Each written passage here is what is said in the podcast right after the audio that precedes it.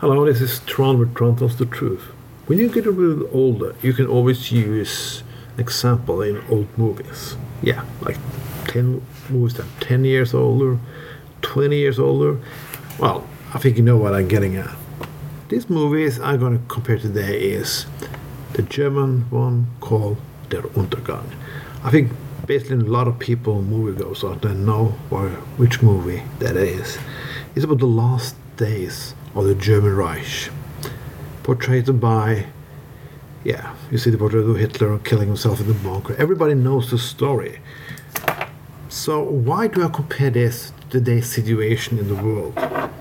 Well, I'm gonna explain to you one thing.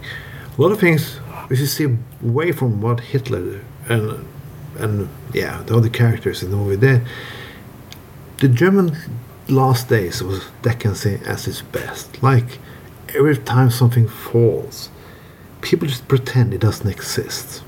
It does not happen. Well, during the last battles in in Berlin, people still think that they're going to win the war. We're going to win it. We're going to win it. It's going to come a magical weapon. Everybody take arms and we're going to take war, wipe the enemy away. The Americans, we can allies with them afterwards and beat the Germans and blah blah blah. All these fantasy theories. Why do I think I mention that now? When Trump came to power, that hap- something happened with people. They started engaging again. They started to believe in something. They started to do something to fight against what he stood for. It took four years and he had one term, but it was overthrown by the biggest landslide in election history because people went to the polls and voted. But has, something has happened also in the last few years. There was an election four years ago where the Green Party in Norway did a very good election. People begin to think they can fight the climate change. They can do something. Greta Thunberg was on everybody's lips. We can fight it. Now, it's back to bullshit again. It's now we don't believe it happened. There are no climate crisis. There are nothing happening bad. We just pretend it's going to become a big savior to save us. Something's going to happen. We don't have, we don't need to, all this negativity. Talk about all the shit that's going to happen to us. Let's have party. Let's party like it's fucking the end of days. And that, people, is what we're doing now. This is the Untergang. Because there are no secret weapons. There are no savior it's only us who can deal with it. The funny thing this time that we do have the means to do something. We can change the outcome of this battle. We can change the outcome of what's going to happen. We just don't want to do it. It takes sacrifice and it does take something to be difficult.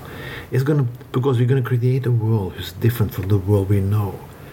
Well, it's an old song called for the Aitken Stock and the Waterman called Better with the Devil You Know. Well, looks like people love that song because that is the ideology of the world today. Better with the devil you know. The capitalist system we have today doesn't work, but it's better with the devil you know. It's always better with the devil you know. We're partying like it's the end of days. I would like to can we party like with a, there uh, was a victory, like we did the 8th of May 1945 but it has some hope where you can produce the goods for the most of the people. We can end poverty, we can end climate change, we can do something, and we can. We still have elections, there's still democracies left. But it's going to take some time.